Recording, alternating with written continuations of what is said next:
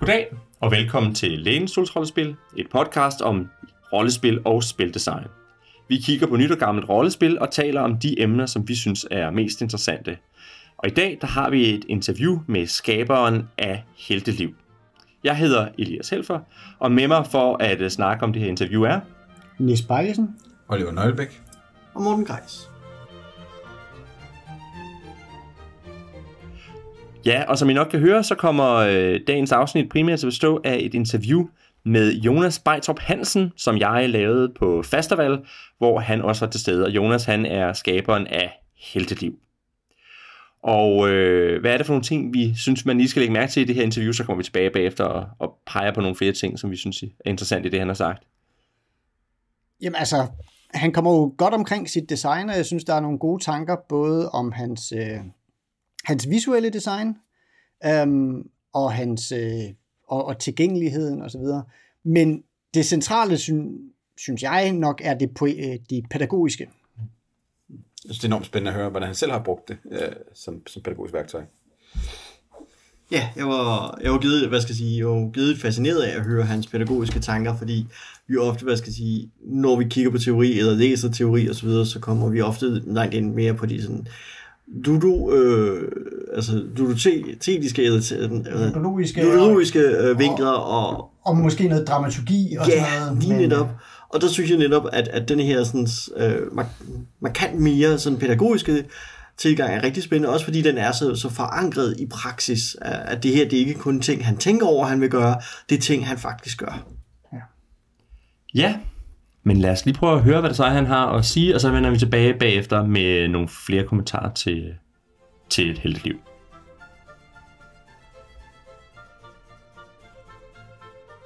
Jeg hedder Jonas Bækstrøm Hansen, og øh, det er mig, der har lavet Helteliv, som vi skal snakke om her i dag. Kan du ikke lige starte med at fortælle os, hvor opstod ideen til Helteliv? Åh, oh, jamen altså, det, det går jo langt tilbage. Jeg har jo spillet rollespil, siden jeg gik på ungdomshøjskolen en gang, da jeg var 19, tror jeg. Øh, ja, det er nok, hvad det er omkring. Øh, og så, øh, ja, så har jeg jo spillet rollespil med en fast gruppe i mange, mange år. Øh, samtidig med, at jeg har taget uddannelse som pædagog og har læst pædagogisk filosofi også øh, på DPU. Øh, og når man ligesom bringer de to ting sammen, så kommer der selvfølgelig nogle refleksioner over, hvordan at, øh, bordrollespil og pædagogik, det ligesom kan spille sammen, og hvad det er, det kan. Og nu er der også en del af de andre, jeg spiller med i den gruppe, der, der er pædagoger, så vi har selvfølgelig tit snakket om de der ting, ikke også? Øh, Altså ja. spillet noget rollespil i jeres pædagog- pædagogiske arbejde inden? Ja, altså øh, ja, det har så ikke været sammen med dem jo, men, men i, i de perioder, hvor jeg har arbejdet som pædagog, har jeg også spillet. Øh, det har primært været SFO. Øh, jeg har prøvet det af der. Øh, meget sådan spæd udgave, hvor jeg havde nogle der til, hvordan man kunne spille det. Så hvad var det, du spillede der i begyndelsen? Ja, men der, i begyndelsen der, der lavede jeg noget med nogle Warhammer-figurer og sådan noget. Vi flyttede rundt på nogle tiles og noget, og øh, spillede en eller anden super, super simpelt øh, 1-6-system, tror jeg, jeg gik i gang med dengang. Der lavede jeg også lidt terræn til det og sådan noget. Og så opdagede jeg vidste det jo nok egentlig godt, men jeg opdagede lidt, hvor meget der faktisk kom ud af det, og øh, hvordan man kunne arbejde med sociale relationer der, ikke også, øh, øh, hvad hedder det, blandt de der unger der. Jeg var, på det tidspunkt var jeg støtte for nogle, øh, nogle drenge med ADHD. Mm.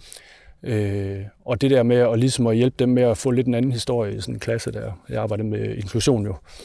Øh, så, så den måde at spille rollespil sammen, hvor de faktisk kunne få lov at øh, spille nogle andre roller, end hvad de normalt automatisk fik i sådan en klasserum der. Øh, det gjorde, at jeg sådan blev lidt mere hooked på, hvordan kan vi arbejde med det her. Øh, Ja, og så for, jeg tror det er 5-6 år siden, begyndte jeg så for alvor at begynde at udvikle på øh, et system. Øh, også fordi jeg selv synes, det er skide sjovt at arbejde med den slags der. Øh, fra starten af har det egentlig været tanken, at jeg vil lave en bog. Det kan også være, at det ender med at blive det igen. Men øh, det var egentlig pointen til at starte på, at lave en guidebog til pædagoger. Øh, hvordan de ligesom kan bruge øh, bordrollespil i praksis. Øh, for det synes jeg, jeg havde noget at, at sige om.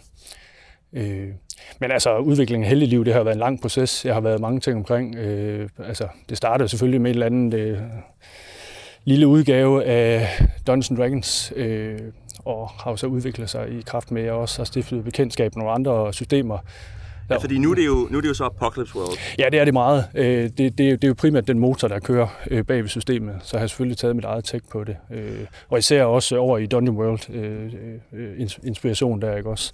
Så, så hvad, ja. er det, hvad er det det, som, som du synes er, egner sig godt til at bruge med sådan nogle... Ja, hvis vi går ind i det specifikt, så er det... Altså, grund til, at jeg egentlig på et tidspunkt øh, smed, smed det halve af det, jeg havde lavet ud, og sagde, at vi, det er den her motor, vi skal køre i stedet for.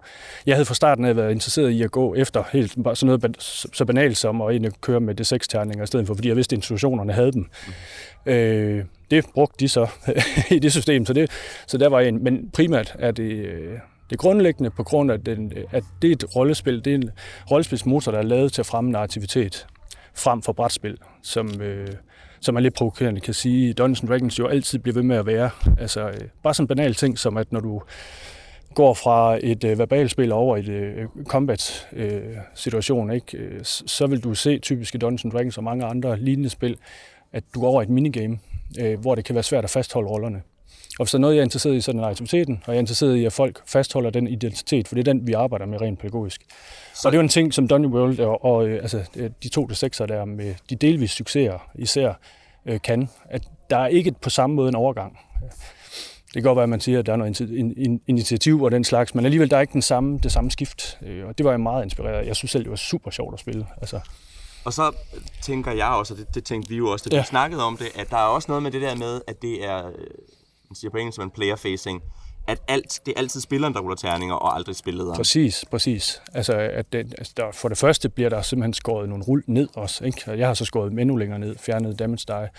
Men, men bare det, man slår op imod øh, fjenden og faktisk definerer situationen frem for handlingen. Ikke? Det det, der sker i Dungeons Dragons. Slår du, nå, jeg ramte ikke, videre til næste det tager en krig at komme rundt nogle gange. Ikke? Altså, hvor her, der er det fortællingen.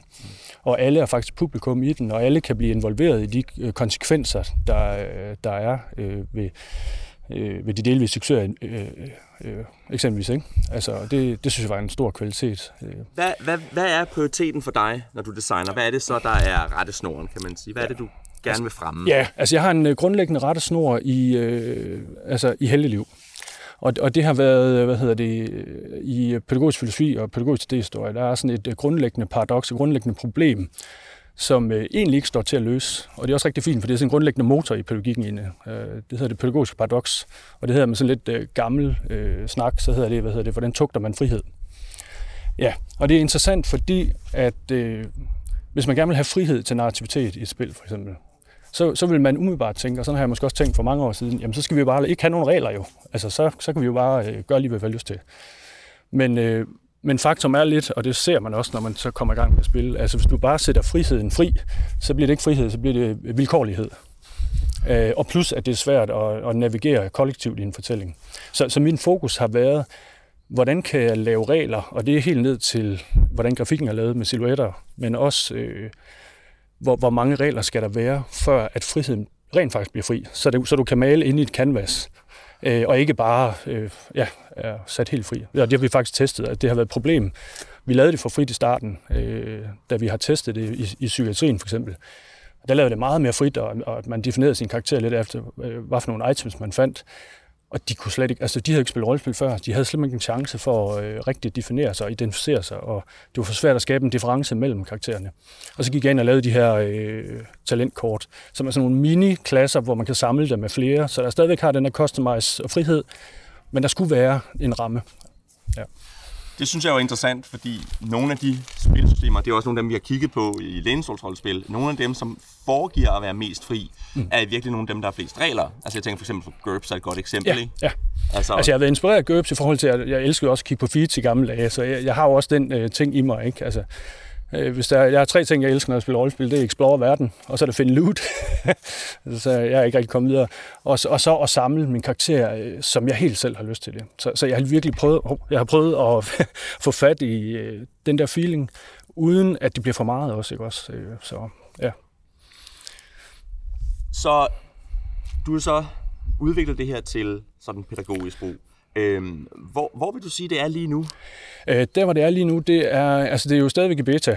Øh, og det har været fantastisk at lancere det beta, fordi at, øh, det har været meget nemt for folk at komme med kritik, øh, uden at det blev lidt træls for dem og mig. Så det har været super fedt, at jeg får stadigvæk masser af henvendelser af folk, som har nogle gode idéer. Og, men der, hvor jeg, jeg er sådan, jeg, det jeg står overfor lige nu, det er at lave det om til et fysisk produkt og lukke betaen egentlig.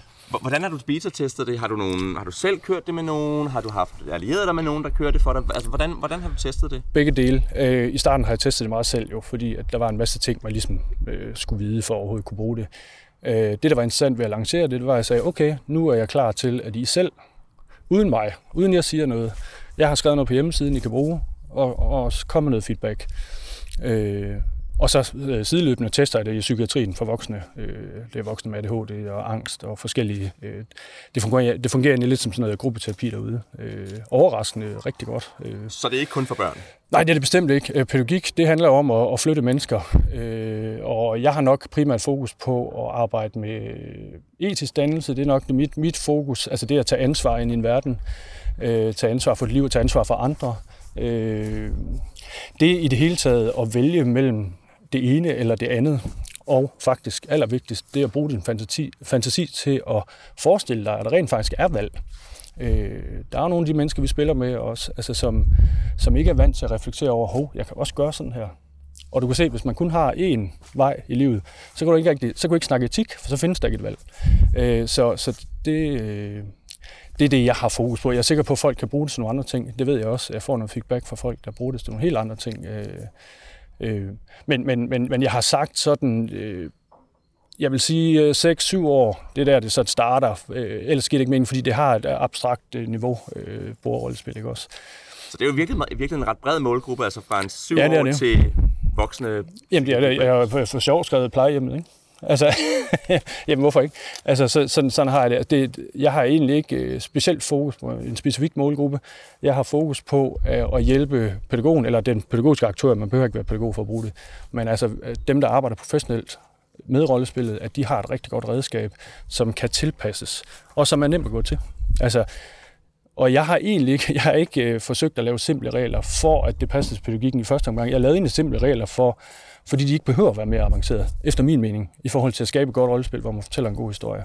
Og det er derfor, jeg var så, øh, jeg var så glad, da jeg stødte på øh, Vincent Bacon der, og, og det system der. Ikke? Øh.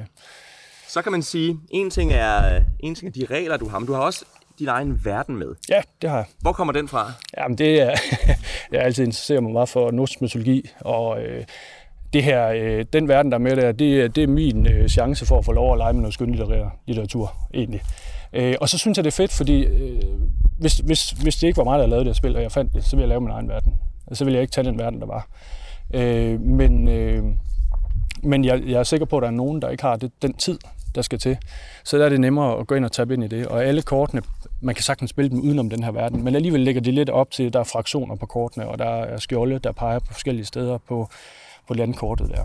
Men det skal også sige, at jeg har også en bagtanke i forhold til, at det er også et produkt, og jeg er også interesseret i, at man kan tænke skalering og tænke, øh, hvad hedder det, expansions og sådan noget. Og der er ideen, at du starter et sted, og så bliver du ligesom, så, så rejser du ud i verden, og, øh, og så kan man lave en masse expansions der, øh, som svarer til de forskellige skjolde, der er på øh, kortet. Så ja, meget inspireret Skyrim også øh, faktisk, ja. de der.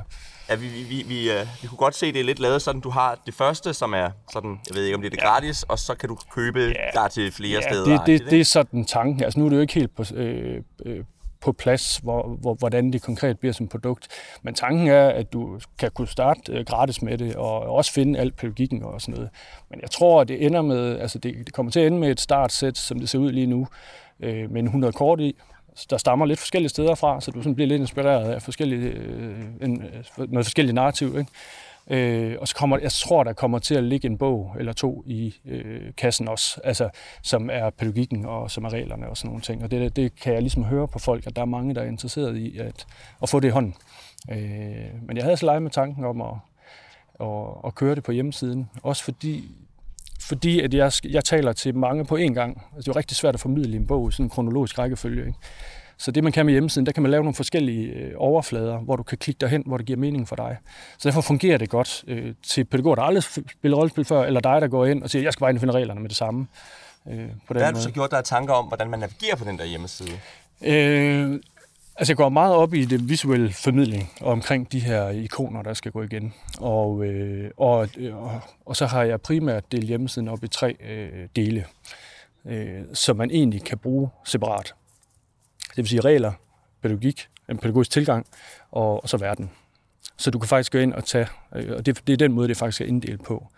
Øh, så, går vi så, så kan vi så gå videre ned i pædagogikken, hvordan jeg så har prøvet at inddele den, så det er overskueligt at gå i gang med. Øh, det ved jeg ikke, om jeg skal snakke om med det.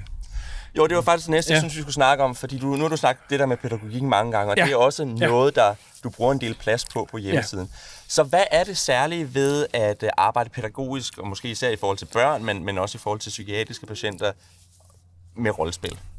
Jamen det særlige, altså der er så mange, først, først og fremmest vil jeg sige, at jeg har øh, brugt lang tid, brugt en del år på at finde ud af, hvordan kan jeg formidle øh, mine pædagogiske tanker og alle mine kammeraters pædagogiske tanker ned, så, så de er nemmere at gå til lidt i guideform, uden at tabe øh, den øh, tyngde, der egentlig har været i de snakke, vi har.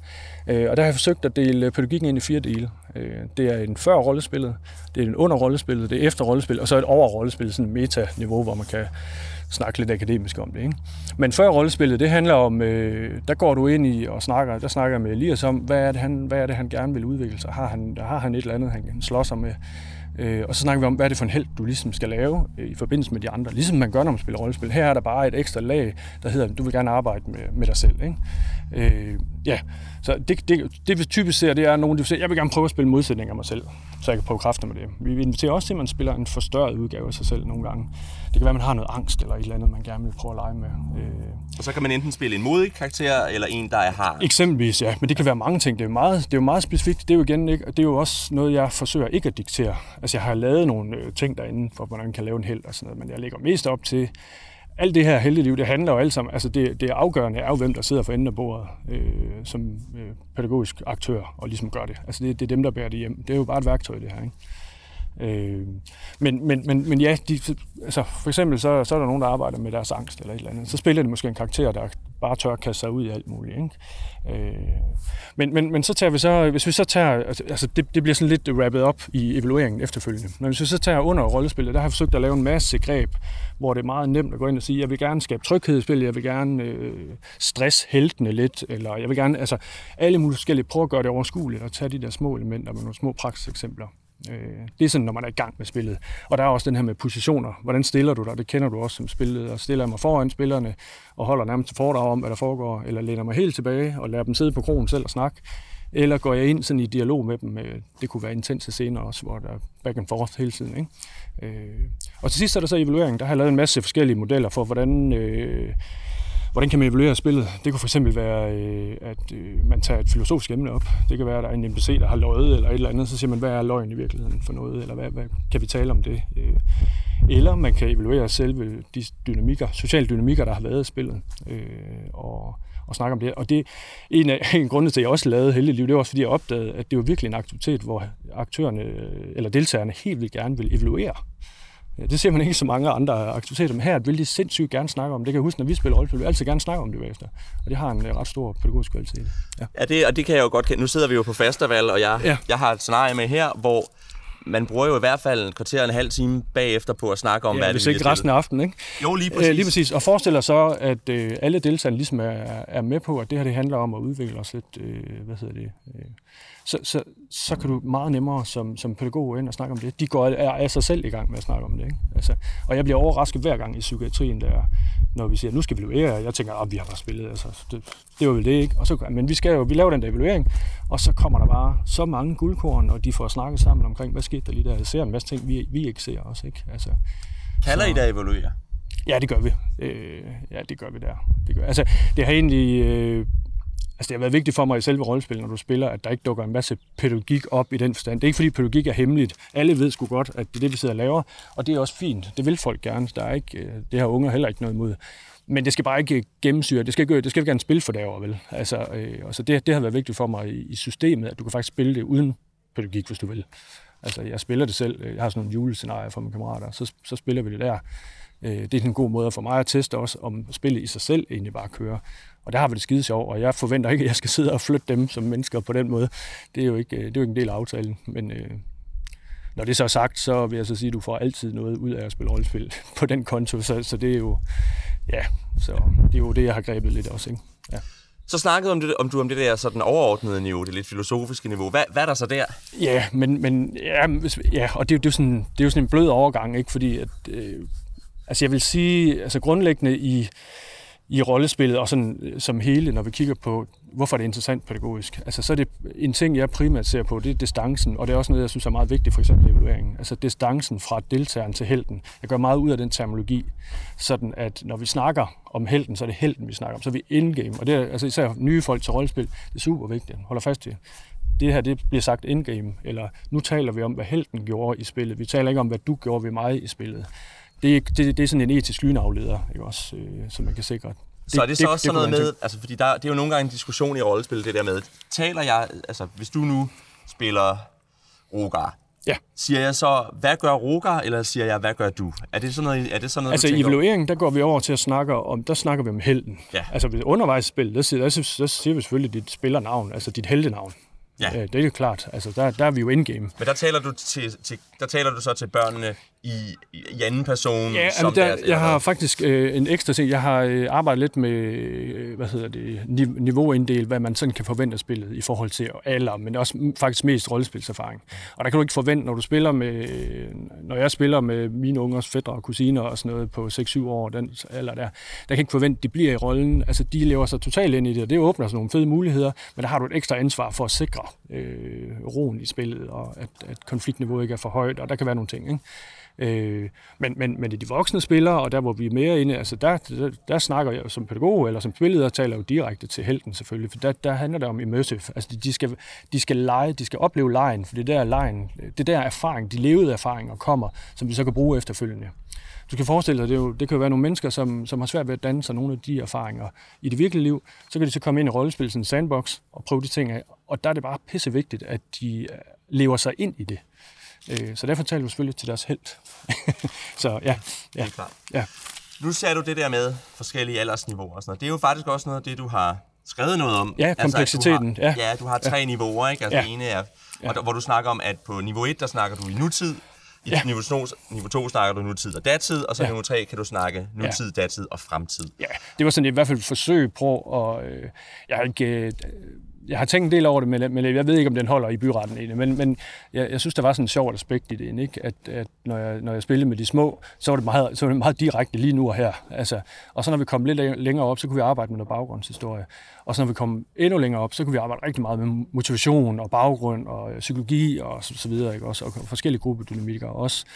Jeg niveauinddel også, øh, også forsøgt at... Det, den her kompleksitet er mest en før rollespillet, så pædagogen har en forventning om, hvad det er, jeg går ind til. Det er jo altid, det er jo altid noget andet, når man endelig er der i gang. Altså, der kan du hele tiden fornemme. Det, jeg siger, det er, at man, det er en god idé at starte det lavt. Du kan altid avancere det svære og tage et avanceret spil, og så forsimple det, altså, synes jeg. Øh, så øh, også noget som verden. Altså, er de onde bare onde, eller er der, snakker vi agendaer i stedet for? Og forskellige fraktioner, der er forskellige interesser og sådan noget. Øh, så, så, øh, så det, må man gå ind og gå, det må man ind selv at vurdere i forhold til den gruppe, du har. Øh, helt sikkert, men, men, men jeg har ligesom prøvet at give bud på, det er cirka det her, du kan forvente. Hvis du har aldrig spillet rollespil, øh, rollespil før, så er det cirka det her. Øh, og det har jeg jo ikke så meget andet at have i, det er min egen erfaring, altså kan man sige, og mine egne tanker omkring det. Så øh, ja jeg tænker, det spiller nok også ind. Altså, vi, vi laver mærke til, at mange af de negative, eller negative konsekvenser, der kan være, det kan være sådan noget med, øh, fortæl os på et tidspunkt, hvor der var noget, du havde svært ved, eller, eller sådan noget. Det, det tænker jeg, det spiller nok også ind der, ikke? At, at så, så modificerer man, hvad det er for nogle spørgsmål, man stiller. Ja, jeg har prøvet for sjov i den der, du, du snakker om det der lille eksempel der, ja. øh, man kan prøve at spille, som jo er tænkt til folk, der ikke rigtig har spillet rollespil før. Det hænger sammen. Der er både et eksempel på, hvor der er nogen, der spiller det igennem, og så er der også scenariet, man egentlig kan prøve. Jeg, jeg er blevet lidt inspireret af det der one-page-scenarie der. Det kunne godt være, man skulle lave flere af dem til det. Det kunne være fedt nok. Øh, det du peger på der, det er et move, sådan en custom move, øh, hvor øh, man øh, som rækker ind i noget narrativitet for spilleren, hvor spilleren i godsøjne bliver tvunget til at øh, finde på noget baggrundshistorie øh, on the fly, kan man sige. Øh, det er egentlig en det, det er ting som inspiration til nye, nye spilledere til, at det kan du faktisk godt lave sådan noget der. Altså, når du træder ned i det der blod der, så et eller andet, eller så kommer du i tanke om øh, noget med din bedstemor, eller et eller andet, og det skal du dele med de andre. Det, det er noget, vi øh, meget Lars, der jeg tester det med øh, i psykiatrien, det arbejder vi rigtig meget med. Øh, og, og for, øh, det er en måde at øh, lidt signere spillere, få dem åbnet op, for at få noget baggrundshistorie på. Det kan være tungt faktisk for nogle af de spillere at få lavet meget baggrundshistorie først, inden de går i gang. Øh, især hvis de kan spille før, men når det så endelig kommer i gang, så kan man bruge de der moves på den der måde. Øh. Men det er jo også, altså, det er jo også et element i, i meget Apocalypse World-baseret. Ja, bestemt. bestemt. Altså, at man Helt bygger sikkert. sin baggrundshistorie løbende, og at der er moves, der, Ja. der, der, der trigger en til at bygge verden og karaktererne. Og så fuldstændig. Ja, øhm, fuldstændig. Det er jo fuldstændig derfra. Altså, er super inspireret af det der øh, måde at bruge. Jeg er ikke engang dygtig nok til det nu, synes jeg ikke, til rigtigt at kunne øh, til, til fulde bruge øh, den der move-mekanik til at fremme endnu mere narrativitet. Altså, mit fokus er nok ligget lidt et andet sted, men jeg er meget inspireret af den der, at, at kunne det. Øh, vigtigst af alt er, at folk føler sig trygge ved at komme i gang med at spille, øh, synes jeg. Øh, især fordi der er pædagoger, der gerne vil bruge det og har interessen, men er usikre på, hvordan, hvordan er det, vi lægger det her pædagogiske lag på. Øh, så ja. Jo, ja, der var lige en anden ting omkring øh, pædagogikken. Du spurgte om det der metaniveau også. Ikke? Altså, der er øh, en særlig ting, som jeg synes, at som jeg arbejder meget med, når jeg, når jeg spiller heldeliv i psykiatrien, der, det er det der med følelsen af ansvar. Øh, hvor, hvor jeg siger, at de her helte, de skal simpelthen mærke, at de har ansvar i verden. De skal kunne mærke kausaliteten, årsag, sammenhæng. Ikke? Altså, de, de skal kunne mærke, at når jeg gør noget i verden, eller lader være med at gøre noget i verden, så sker der noget i verden. Det, øh, de skal mærke, at de ikke er ligegyldige. At de ikke er ligegyldige. Øh, og derfor snakker vi også om, at det er okay, hvis, hvis man har det for svært en dag, man ikke kommer. Men, øh, men når man spiller helten, når man er kommet, og man spiller helten, så er det altså nogle vigtige mennesker, der er herinde. Så, så kravet og stressen og alt, hvad vi nu kan implementere i spillet, det er rettet mod helten. Øh, så ja. Det, øh, det giver jo god mening. Ja, det er det, det lynafleder, der ligesom er. Øh, Nå jo, men man kan også sige, at hvis man er en rigtig held, så er man jo også en, der prøver at forandre verden, ikke? Fuldstændig. Øh, apropos det, så, og, og de der øh, custom moves, så har jeg leget lidt med den der, hvor man også deler definitionsmagten, ikke? hvor man kan være med til at skabe verden, hvordan ser den her by ud. Men jeg har et forbehold også, for det er super vigtigt, at man ikke som øh, spiller kommer til, i hvert fald det pædagogiske rollespil, og øh, komme til at definere for meget heller, fordi du skal have følelsen af, at jeg er en held i verden, der interagerer med, med en, en fysisk verden, eller en social verden, øh, som jeg rammer og støder på, og som jeg konflikter med. Hvis du selv definerer den hele tiden, så, så bliver du en gud i verden, så er du ikke en held i verden. Og det, det har ikke det samme potentiale rent pædagogisk. Øh, så, men du kan sagtens åbne op en gang imellem. Altså det, det hele er jo beregnet til, at man sådan kan arbejde med det hele tiden. Så ja. Nu snakkede du om det der med, at der er mange, der, der godt kunne tænke sig at bruge det her. Hvad har du gjort for, at det bliver nemt for pædagoger, der ikke øh, har været spilleder før, at, at tage det her? Ja, altså jeg har jo for det første valgt en grundlæggende motor, der er helt vildt nem at komme i gang med med det samme. Og så har jeg sørget for, at lige snart vi går ud i lidt mere særlige regler, altså det er vigtigt, at alle de regler, jeg laver, øh, starter ikke en ny mekanik. Altså den bygger på den samme mekanik, det hele. Øh, enten passive evner, eller også move-evner, øh, der minder om, eller som, er den, som øh, bygger på den grundlæggende mekanik. Så der er ikke noget nyt, du skal lære.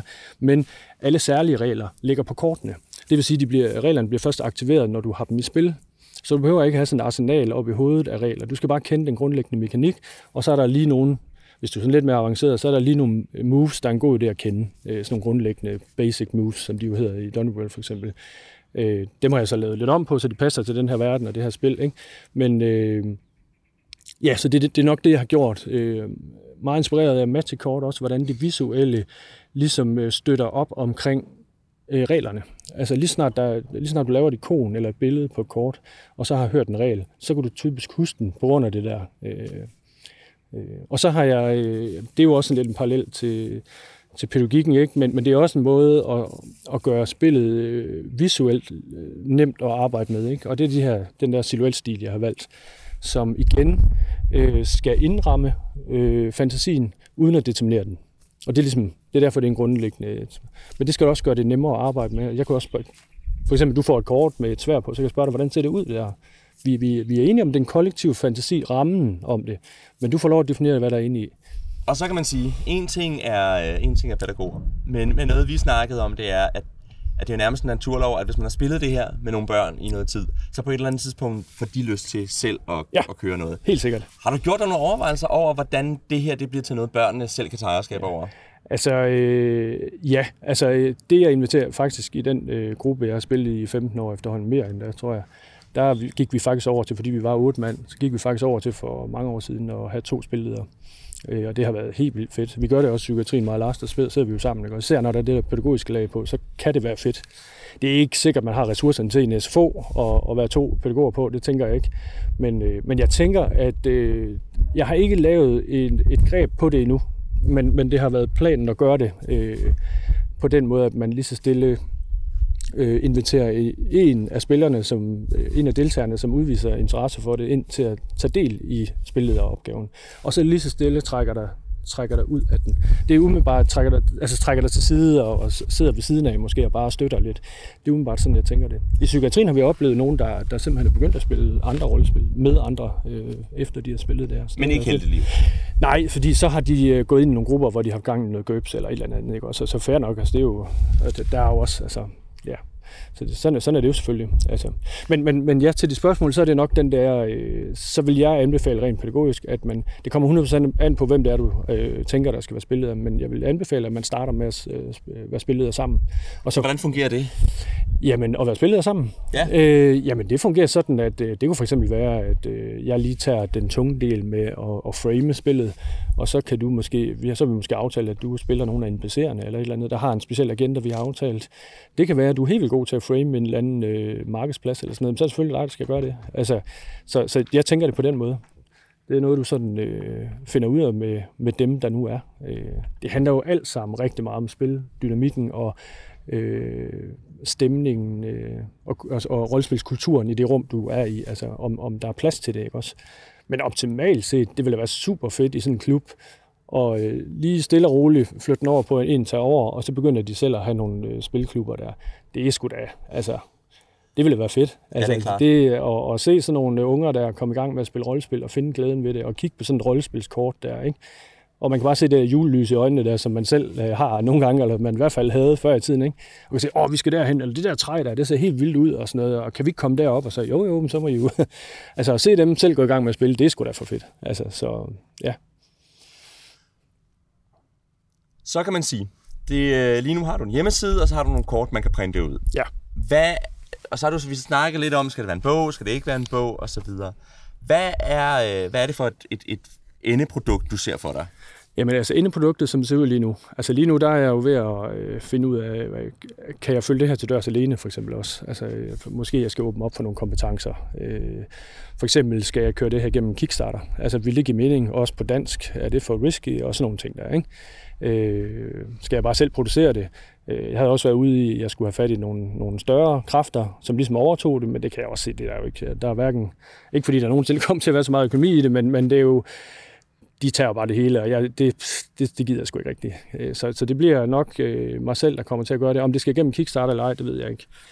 Øh, omkring hvordan det sådan kommer til at se ud, jamen jeg tror, det bliver noget med et startsæt, øh, som jo er et øh, sådan lidt brætspilformat, kan man sige, hvor der ligger en bunke terninger i, så man kan komme i gang til cirka øh, seks spillere eller et eller andet, så kan jeg altid selv finde nogle flere terninger. Ikke? Og så kommer nok til at ligge 100 kort, øh, hvor øh, der ligesom er nok kort til, at du kan vælge forskellige klasser og komme i gang. Øh, og og med nogle fjendekort og noget, noget, noget fedt loot og nogle enkle artifacts og sådan noget. Og så kommer der til at være sådan en primær mission, hvor man skal ud og finde nogle øh, ringe eller et eller andet, for, øh, som hænger sammen med det her grundlæggende hvad hedder det, konflikt, der er i den verden, jeg ligesom har lavet.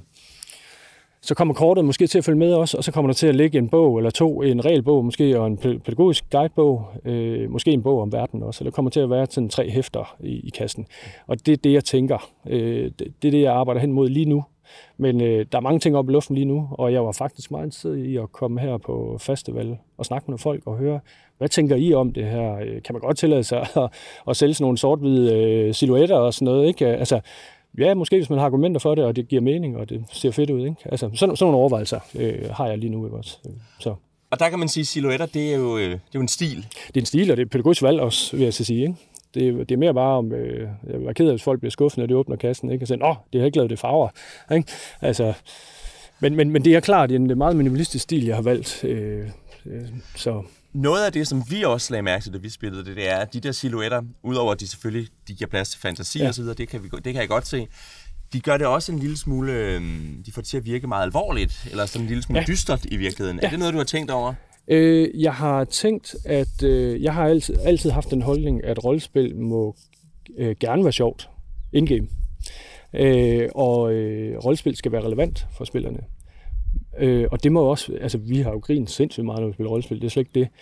Men at gå til rollespil, og du starter med at pjat, det, det, der, der synes jeg ikke, jeg får den øh, indlevelse, som, som jeg er interesseret i, både personligt som rollespiller, men også øh, pædagogisk rollespil der vil jeg gerne have, at man starter ud med at, at tage det sådan rimelig seriøst. Øh, og så, og så har jeg prøvet at lave nogle, øh, lidt nogle svirp med halen, altså i nogle af teksterne. Altså der er nogle sjove referencer og nogle, nogle lidt, øh, sådan lidt nørdede easter eggs måske og noget. Altså så er det på den måde, humoren er. Men, men jeg er det bevidst, at det er, det er seriøst at spille rollespil.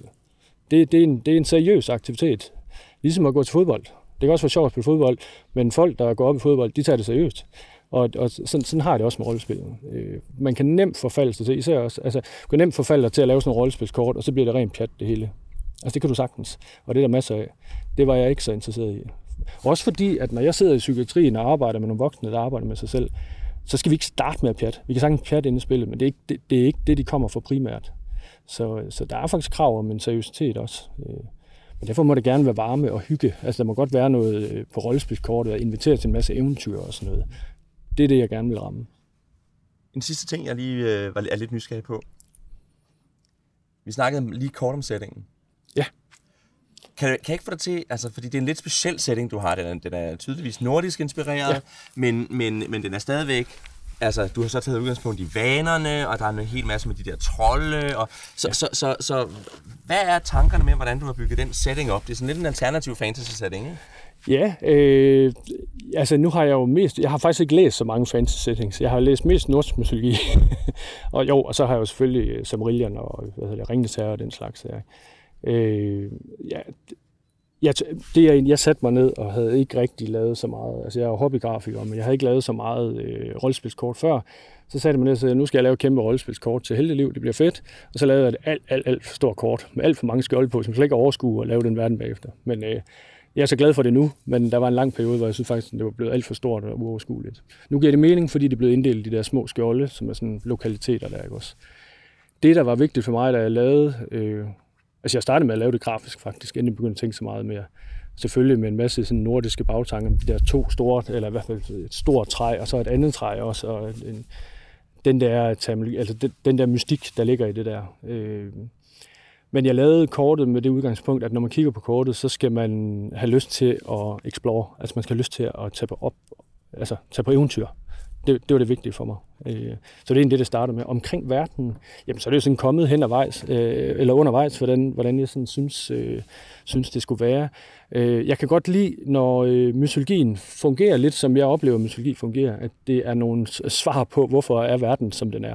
Hvorfor har vi nat og dag, og hvorfor har vi det under det gode, og alle sådan nogle ting der. Ikke? Øh, og det er jo så, når jeg så bygger sådan en verden op, jeg prøvede det lidt før også, men altså, når jeg gør det her, så, så er det jo med det udgangspunkt, at de mennesker, øh, eller de folk, der bor i den her verden, de skal på en eller anden måde, øh, vi skal på en eller anden måde forklare, hvad er det, hvor, hvorfor hænger verden sammen, som den gør. Og det er det der, jeg så prøver at, at lægge mytologien, mytologien ud fra. Jeg har prøvet at lave det sådan, at der ligesom er en objektiv verden, som spillederen ved, og så skal han eller hun ligesom hele tiden tænke, jamen der er også en subjektiv, en kulturel øh, verden, som, som giver sig udtryk for dem øh, heltene møder undervejs. Øh, det er som min tanke med det. Så jeg har forsøgt at frame det med en tidslinje, og øh, ja, og prøve ligesom, så, så der ligesom er en grund, hvorfor er der de forskellige ting i verden? Jamen det er det, fordi sådan og sådan og sådan, sådan så man ligesom kan tage, tage over derfra. Altså det, det er min pointe. Jeg ved ikke for godt, jeg lykkes med det endnu. Øh, det er klart, det er klart verden, der mangler mest, synes jeg. Øh, men, men det er den, hvor jeg ligesom prøver at, at, at skabe en ramme for en setting. Jo, og så vil jeg sige, altså, hvorfor har jeg valgt uh, fantasy for eksempel? Jeg ville lige så godt have valgt sci-fi eller, eller realisme eller et eller andet. Vi skal jo snakke om, uh, vi skal jo øve os på ting, vi skal bruge i den virkelige verden, så hvorfor vælger jeg ikke uh, realisme eksempelvis? Det kunne jeg jo lige så godt have gjort. Og det har jeg gjort lidt af samme grund. For det første, fordi jeg elsker fantasy, det er den ene side. Men den anden side er også, at uh, ligesom der er en distance mellem deltageren og helten, så er der også automatisk, kollektivt i fortællingen en distance til fantasyverdenen, og det er faktisk vigtigt.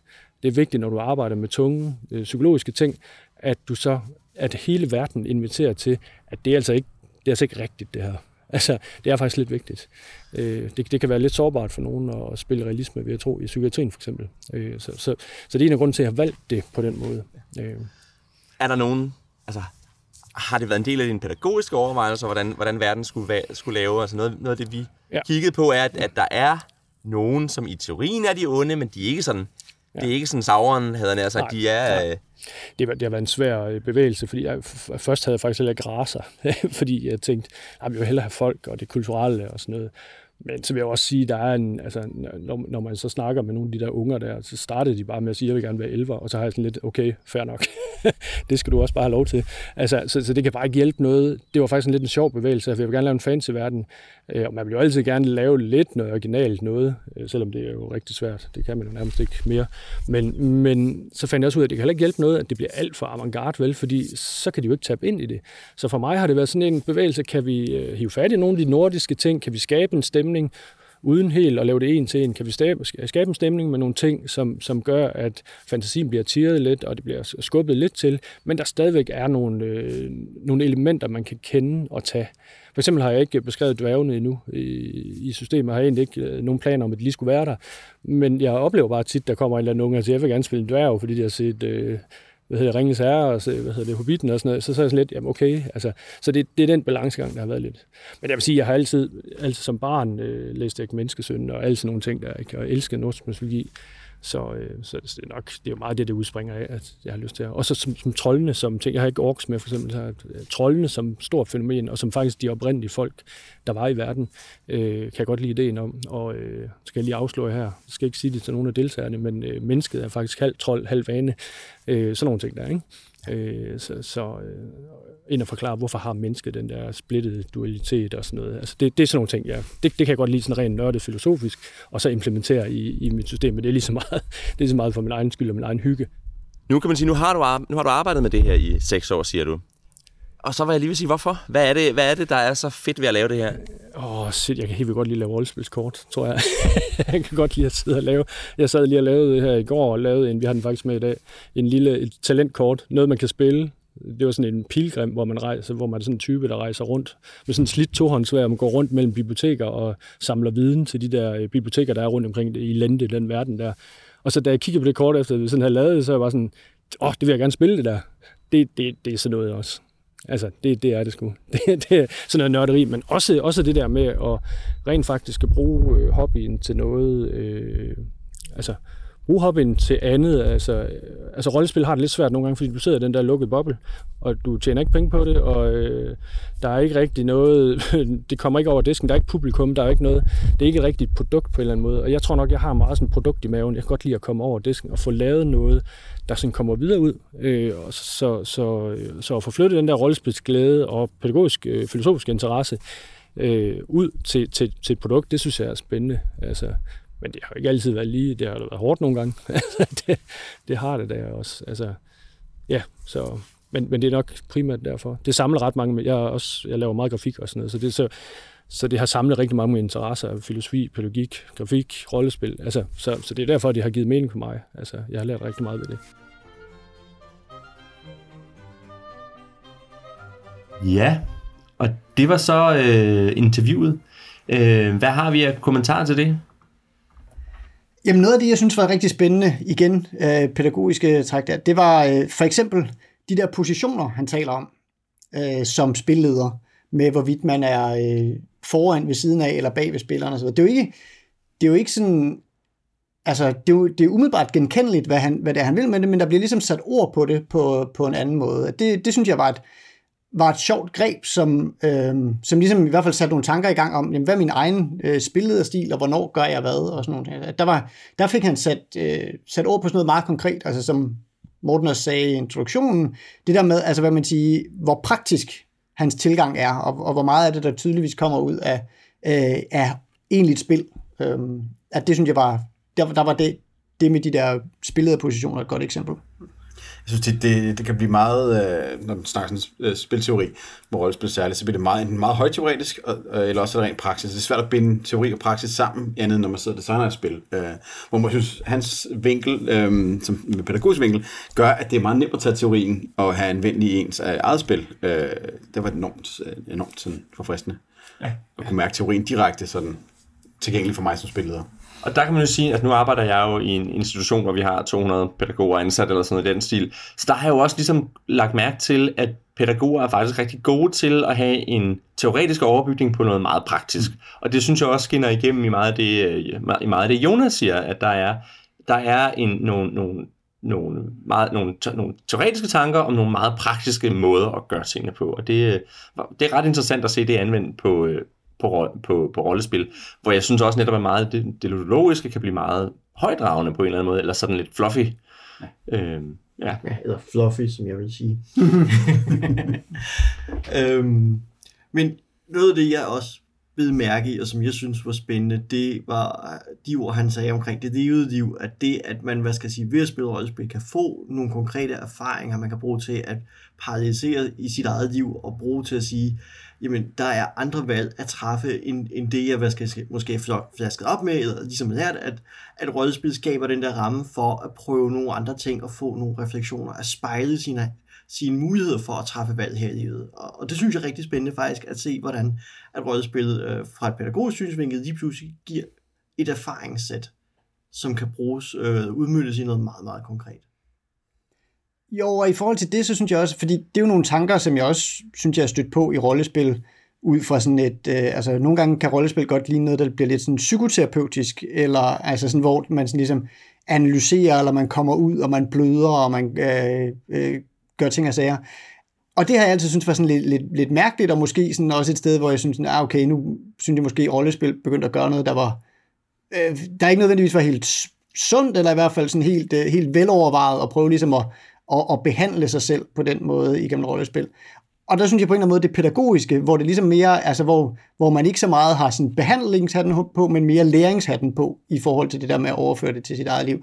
At det virker ligesom sådan et sundere mindset, eller det er i hvert fald et mindset, jeg ligesom bedre kan forlige mig med, og, og have den hat på at sige, nu bruger jeg det som et læringsinstrument, snarere end som sådan et, jeg bruger det som etisk værksted, ikke? eller ja. sådan etisk mm. laboratorium. Jeg synes også, jeg synes også det, det sådan rehabiliterer lidt uh, sådan klassisk rollespil i forhold til lidt moderne, som prøver at være meget mere højt på strøm i forhold til, hvad, hvad man kan med det. Ikke? Uh, det bliver tit meget differentieret, men altså selv uh, sådan helt basis fantasy terningrolle er jo stadigvæk en, en rum, man, man kan få noget ud af at være i, uh, andet end bare sjov og blade.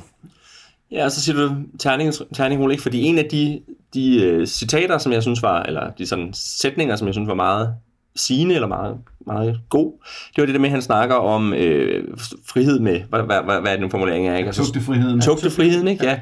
Det var meget smukt sætning. ja. Øh, og det, det der med, at, at bare have absolut frihed til at gøre hvad som helst, øh, fører til ingenting på en eller anden måde. Ikke? det er først, når man har en vis mængde rammer, at man faktisk reelt får frihed til at gøre lige præcis, hvad man, eller fortælle de historier, man allerhelst vil. Ikke? Ja. Jo, og det er jo sjovt, fordi det er jo nogle gange i virkeligheden det, der bliver det værste spørgsmål i rollespil. Ikke? Det er, når Game Masteren kigger på spillerne og siger, hvad gør I? Og man står sådan, gør hvad? Hvor, hvor er vi henne? Ikke? Jamen, I må gøre hvad som helst. Mm. Okay, men I har hele verden foran jer. I må gå hvorhen I vil, jamen, men hvor vil vi gå hen? Ikke? Ja. Altså, jeg synes, det er, det er sjovt, fordi at, at det er nogle gange det værste spørgsmål, som Game Master kan stille. Ikke? Det er sådan, men hvad gør I? I har en hel verden foran jer. I må gøre hvad som helst. Det, det, det, det er en svær balance, jeg sidder selv nu her og arbejder med sådan at prøve at finde ud af, hvor er jeg tryg med, hvor meget frihed så vil spille, hvor meget vil jeg beskrive verden omkring dem, øh, og hvornår jeg beskrevet så meget, at de føler, at de bliver trukket i en bestemt retning. Ikke? Hvordan kan jeg skabe den der følelse af, at de bevæger sig i rummet af egen drift, mere end de bliver trukket afsted rundt. Det tror jeg, øh, altså det synes jeg, det er nogle, fine ting, han har med her. Ja. Jo, og for mig blev det også sådan til et sted, fordi det er jo en erfaring, vi, kan alle sammen høre her, vi har gjort os den erfaring med, at jamen, der skal være nogle rammer, for man har noget at spille inden for sådan noget. Så, så, så det er jo ikke, det er jo ikke sådan, at selve erfaringen var ny, da han siger det, men der var, det var bare for mig et eller andet sted, så blev det sådan meget, det der med, at der så pludselig var et pædagogisk begreb at tugte friheden, og, og han kunne ligesom sige, og det her har vi altså bøvlet med i, altså i pædagogisk teori i rigtig, rigtig lang tid, og så, videre, så blev det ligesom sådan en, så fik det en, en anden ballast, og, og jeg fik i hvert fald en eller anden point om, at hmm, det var måske et sted, man kunne kigge hen og se, hvordan er der i andre legesammenhænge, fordi pædagogik beskæftiger sig også med legesammenhæng, ikke kun med læringssammenhæng, og sådan ligesom, hvad, hvad kunne jeg, var, var der noget der, jeg kunne gå hen og kigge på, og sådan noget, altså Øhm, skulle jeg på min lange læseliste smide en bog om, om pædagogik på også, bare for at... Nu arbejder jeg selv meget med workshops til live-rollespil, og også sådan formidling af, bordrollespil, øh, når jeg sidder som spillet, og der synes jeg noget helt sikkert noget i forhold til det med at kombinere leg og læring. Hvordan gør vi det at lære om et eller andet, som egentlig i sig selv ikke er særlig spændende, men er nødvendigt for at kunne lege? Hvordan gør vi det stadig til den del af lejen? Der tror jeg, der kunne være nogle rigtig spændende ting at drage op i, i pædagogisk også. Ja, og øh, og dermed vil vi runde af for det her øh, særlige interview-afsnit, som jo også kommer sådan lidt skudt ind midt i det hele. Og øh, næste uge, der holder vi lige en kort sommerpa- øh, sommerpause, før vi, øh, før vi vender tilbage med den, de regulære afsnit af, af Lænestols rollespil. Og vi vil selvfølgelig meget gerne øh, høre, hvad I synes om interviewet, og om I har lyst til at høre flere af den slags ting.